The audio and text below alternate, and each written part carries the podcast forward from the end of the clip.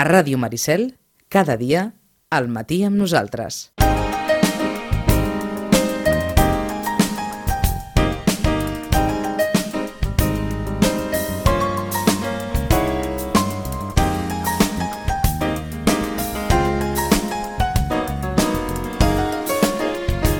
Onze i 20, en, en 15 dies, quan, un, quan tornem a saludar la Marta, estarem ja a, a les portes de Nadal.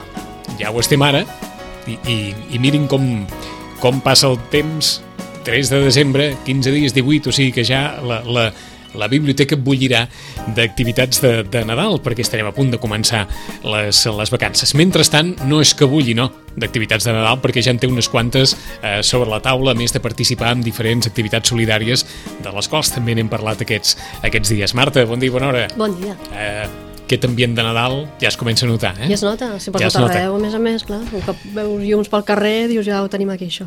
En una setmana en què la biblioteca també deu fer balanç, era un dels punts de recollida d'aliments, no tan estrictament, diguem-ne, dins de, del gran recapte, sinó en aquest cas una recollida d'aliments que anava per Càritas, Ajuda Fraterna, per, per les associacions, diguem-ne, aquí Sitges, que també es dediquen a, a proveir aquelles persones que estan necessitades de- d'allò més bàsic, no? Exacte, llavors era, la campanya es tractava d'un intercanvi, de portar un aliment amb una llista, ja que ens, eren els aliments que ens havien Exacte. demanat no? des d'aquestes institucions, que són els, els que els hi fan falta, i a canvi la biblioteca donava qui portava tres revistes. Les donem de baixa cada X temps, no? ara Mhm. quan acaba l'any doncs donem de baixa les d'anys anteriors i bé, doncs vam fer aquesta campanya. Això ens ho havíem preguntat, perquè, és clar, la biblioteca donava, sí, Sí. la biblioteca també pot donar, pot donar en aquest cas són revistes, Sí. perquè evidentment no, no les podeu emmagatzemar No, totes. no, no, clar. I hem fet lots de tres revistes i llavors es tractava d'això, cadascú triar el seu lot preferit, variat de revistes, Ahà. i a canvi doncs, donar això, doncs, una ampolla d'oli o una llauna de conserva, bé, doncs ja tot un llistat d'aliments adequats per a aquest tipus de campanya. Per ser, no sé si era el primer cop que ho fèieu. Sí, Sí. sí. Què tal? Sí. El balanç. Eh, la veritat és que costa una mica. Potser amb la gran recapta, que clar, la difusió és molt més àmplia, també hi ha molta més tradició, no? ja fa més anys que, que es fa, o qui va comprar el, el súper, en Eh, fi, doncs ja s'ho troba. troba. Clar, el fet de venir expressament, no? i hi ha la voluntat de dir, doncs això, cap a la biblioteca, ha costat una mica, però bé, és això el primer any que ho fem, i la qüestió és agafar, Mhm. sigui per un sistema o per un altre, doncs de poder ajudar. No? La intenció vostra és anar-ho anar Sí, fent en sí, altres sí, sí, moments, perquè és eh? una cosa que no costa gens i al revés, no? que tot el que es pugui col·laborar des de la biblioteca, doncs benvingut. De fet, ara campanyes d'aquest tipus es fan en moltes biblioteques, no? Mm -hmm. la situació que estem, que menys que també posar la Gra de Sorra és un lloc per on passa molta gent i per tant són espais que, que normalment tenen èxit aquestes campanyes. D'acord, parlàvem d'una campanya, però és que també n'esteu... Sí, ara Vaja, acabem n'esteu ficades en, i- una, en una altra, eh? Exacte. Vinga, n'expliquem detalls. La campanya Un llibre per una joguina. Ens hem sumat a aquesta campanya, que també ja fa anys que amb la que la col·laborem i que es du a terme a Sitges i a, a tot arreu, no? Que quan s'acosta Nadal i el Dia de Reis, doncs no volem que cap nen es quedi sense poder desembolicar una joguina i, i tenir-la nova. Per tant, ens hem afegit un any més en aquesta campanya i aquest any és a la biblioteca amb aquest afegit de també un intercanvi entre llibres i joguines. Tothom que ens porti una joguina se'n podrà emportar un llibre. Mhm. Aquests llibres són donatius que hem rebut de persones que a casa seva doncs, tenen llibres, fan neteja o ja se l'han llegit i el donen, i el donen en bon estat gairebé nou, eh? no donarem coses sí, sí, velles. qualsevol. Ni... No, no, estan triats i seleccionats. Fem un parèntesi Sí. aquí. Què feu amb els donatius? Perquè ens donatius, veu comentar que sí. éreu molt estrictes en, en aquestes coses. Clar, som estrictes també per la manca d'espai i per l'interès i per la qualitat del fons, perquè clar, la biblioteca té una línia de- d'això, no? de, de qualitat, de que el fons sigui actual i que i per tant no podem acceptar una enciclopèdia que ja ni es consulta, no? o un llibre d'informàtica molt enredarit, o un llibre massa tècnic que pel tipus d'usuari que tenim tampoc no, no sabem el nostre fons. Per tant, tenim uns criteris establerts i la- els donatius s'accepten sempre, sempre que segueixin aquests criteris. Si no, la sortida que donem és o bé els oferim a altres biblioteques, en cas que estiguin en bon estat, però nosaltres ja el tenim, per exemple, Sí. o llavors l'oferim a la resta de biblioteques, o bé el tenim també una capsa a la biblioteca on ho posem allà i lliurement qui vol s'ho emporta. D'acord, t'ho pregunto per una qüestió molt simple, mm. molt probablement a casa de cadascú hi ha llibres, mm -hmm. però contem 5, 10, 15 o 20, que allò que mires, mira, està repetit, Sí. pam, vaig. Suposo que en aquest sentit cap problema, Cap perquè és una, problema. és una Mhm. quantitat petita que es Sí, pot gestionar molt bé. exacte. Mhm. Però anem a la segona part, que és la que molt sovint també s'ha trobat a la biblioteca. Cases o que ve el propietari mor i la família es troba doncs, amb, amb tot un munt de llibres, amb tota la llibreria, eh, etc. 50.000 circumstàncies de gran quantitat de llibres que molt sovint tampoc tampoc es coneixen massa les diferents temàtiques i que també tenen, doncs això, o, o enciclopèdies o, o diccionaris, eh, llibres d'aquesta mena. Clar. Les biblioteques en general, els fons així no us acostumen a acceptar, no? No, en principi no. Ho dic a perquè no ser- allò, aquí, Mm. aquí et diran que no, però en, en una altra biblioteca et diran tres quarts del mateix. Exacte, sí, sí, perquè és que això, totes tenim, no com a biblioteca pública, és això, de ser un fons actualitzat i la nostra funció no és tant de, de sí, conservar i preservar Ah. el que és preservable, però no tot, és que no, no hi podríem arribar. De fet, quan algú té aquesta angúnia, no sé, clar, estic llençant un llibre, penseu que tot el que està en dipòsit legal a la Biblioteca de Catalunya hi és. Aquell llibre, com a contingut, com a... no es perd, es perdrà aquell exemplar, Mhm. però no estem llançant el coneixement dels llibres. perquè Tot i fa una això- certa impressió, eh? Vostès Sí, poden agafar un, angúnia, un sí. salvat 4 i deixar-lo al carrer, perquè aquella enciclopèdia no val res. Clar, sí. I gairebé podem dir res perquè res. Res, amb el que va costar de comprar Amb el enciclopèdies, costar, eh, en aquella el, època el que era... monitor, el salvat 4... Sí, sí, que el pagàvem a plaços. que, exacte. Tot això ara no val es pot dir gairebé així, eh? Sí. Si no val res, de, 10 euros per tot, i mira, va, el, pe, el pes del paper. Clar, sí, sí, pot tenir més, eh? el valor sentimental que li vulgui posar cadascú, Exacte. el que sigui, però clar, com a valor informatiu en una biblioteca és que no el podrem utilitzar perquè vindrà algú buscant informació sobre mm, qualsevol li servirà. país i les dades que t'està donant aquí a enciclopèdia són de 20 anys o de...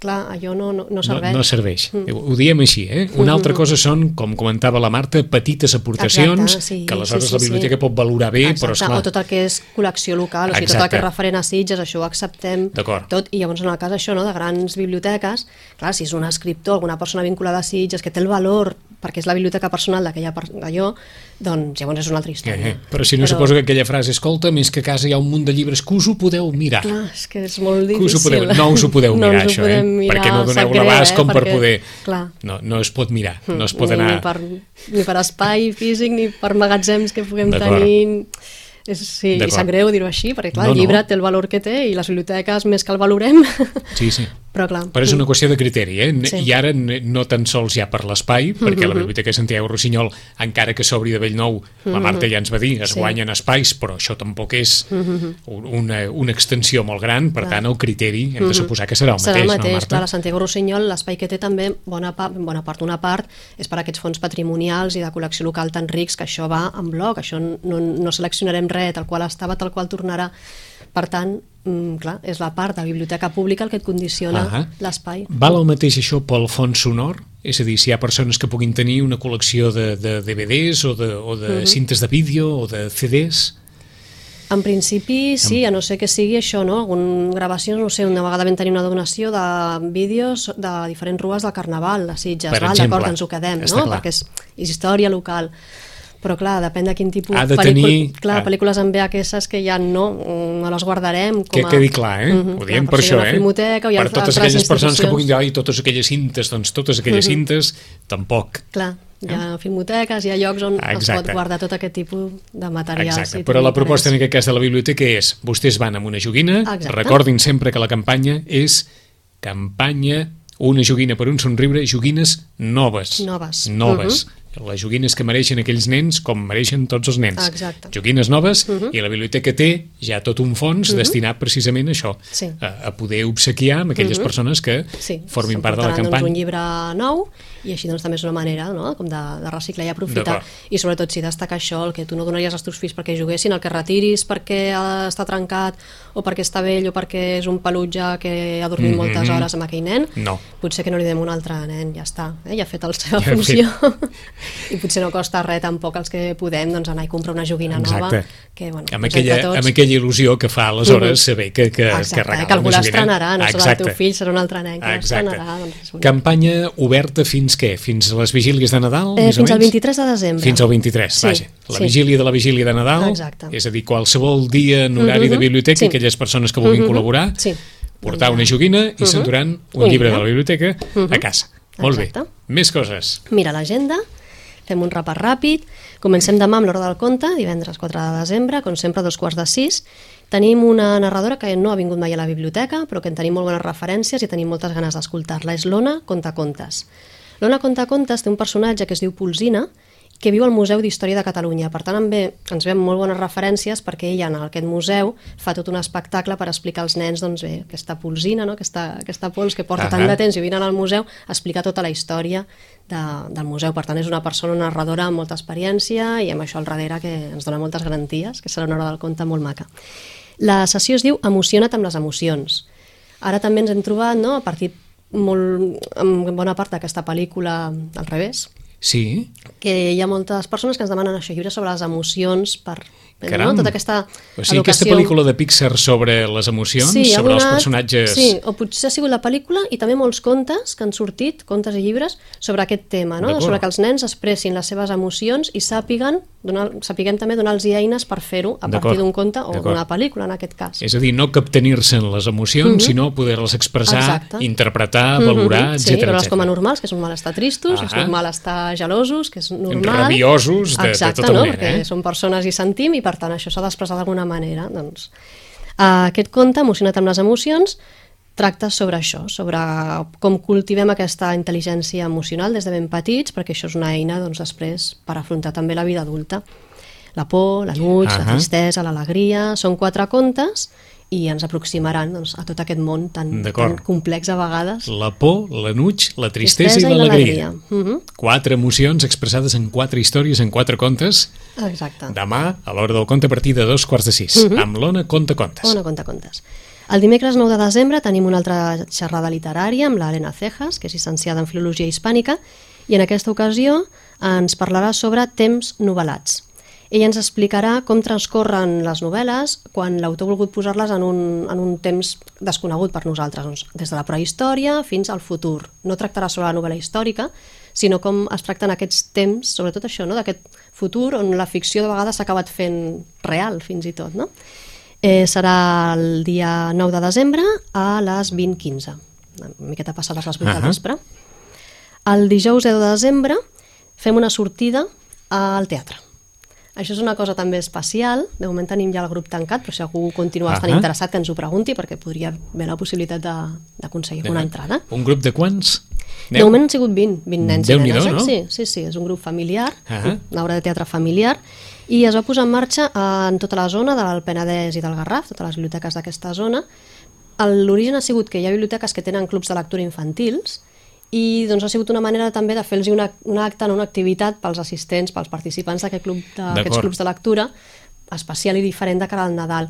Com que tampoc els participants no és una, una quantitat molt important, doncs ho han fet extensiu a la resta de nens i nenes i les seves famílies. D'acord, o sigui que serà un dia que compartireu les biblioteques. Mhm. Exacte, sí.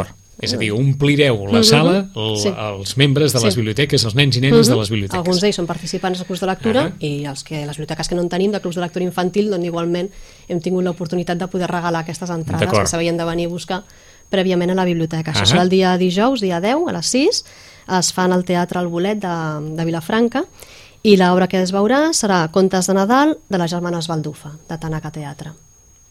Són això, doncs, contes de Nadal de diferents llocs del món i també repassaran, bueno, serà un repàs a Ahà. les tradicions més nostres com el. Triol, el Pessebre... O sigui, A Cal molt- Bolet molt de. Vilafranca, el Teatre Cal Bolet, Exacte. Teatre molt cèntric, o sigui que fàcil de- d'arribar-hi, i aquelles biblioteques que tenen clubs de lectura infantils i les que feu activitats Mhm. també pels nens i nenes, doncs la biblioteca, des de la biblioteca Roig i Reventós, 20 nens i nenes aniran a veure aquesta obra de teatre. Exacte.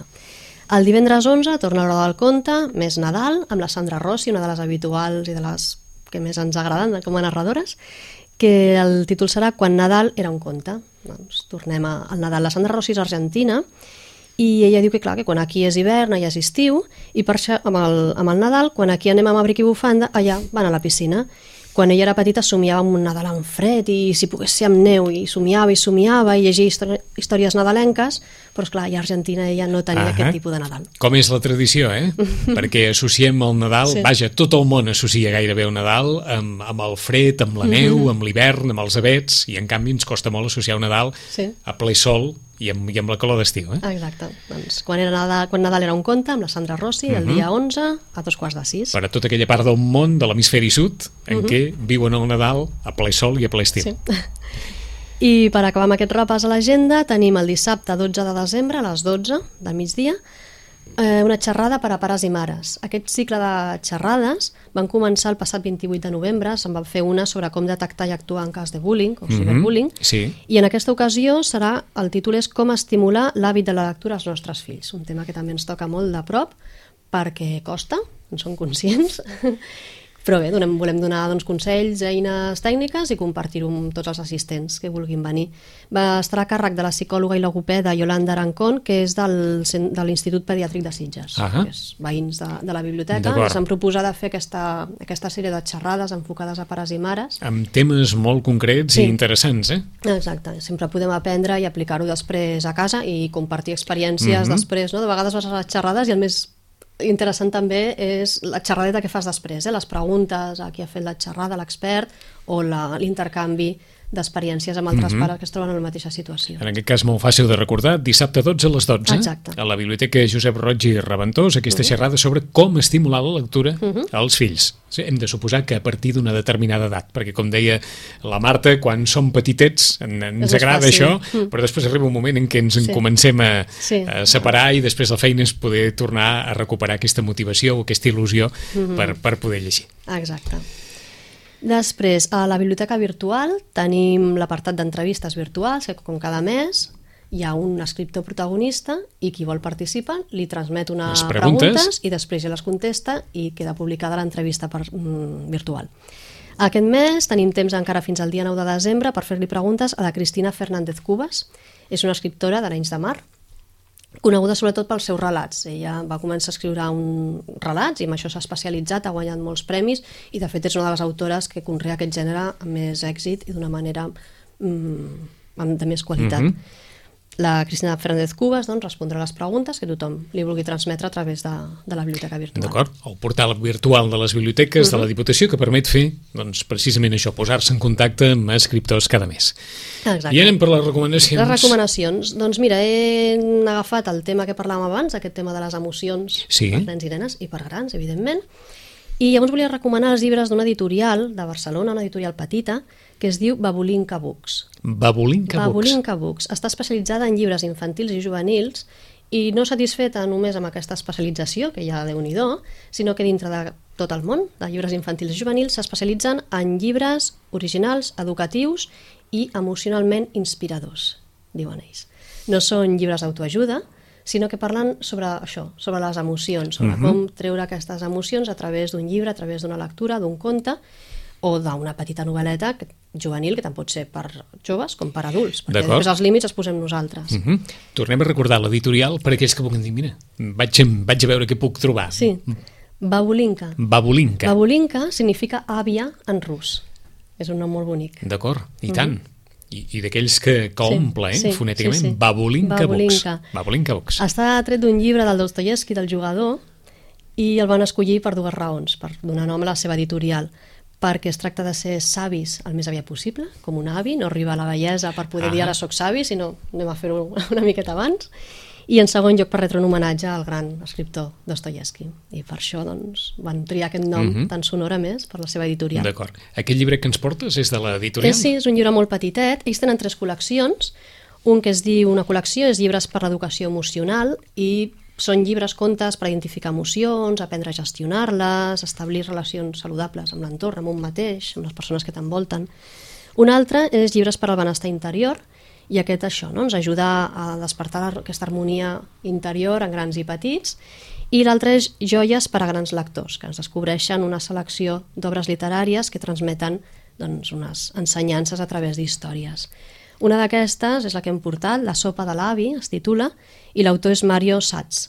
A la biblioteca el tenim classificat com a novel·la juvenil, amb un gomet groc mm -hmm. que ho identifica, però el recomanaríem per tothom, no? des d'això, des d'adolescents En amunt. endavant, perquè la història s'ho val. És un llibre molt, molt petit, de Petit, format sí, sí. I, i, i de pàgines, de nombre de pàgines. Amb una portada maquíssima. Sí, tot ell està molt ben, molt ben cuidat, ja es veu els colors. Són aquests llibres que te'ls mires i dius aquí hi ha Que, carinyo. quan l'han fet. exacte, eh? i que transmeten aquesta, no sé Sí. si dir aquesta pau, aquesta, aquesta tranquil·litat, aquesta harmonia que comentava la Exacte. Marta.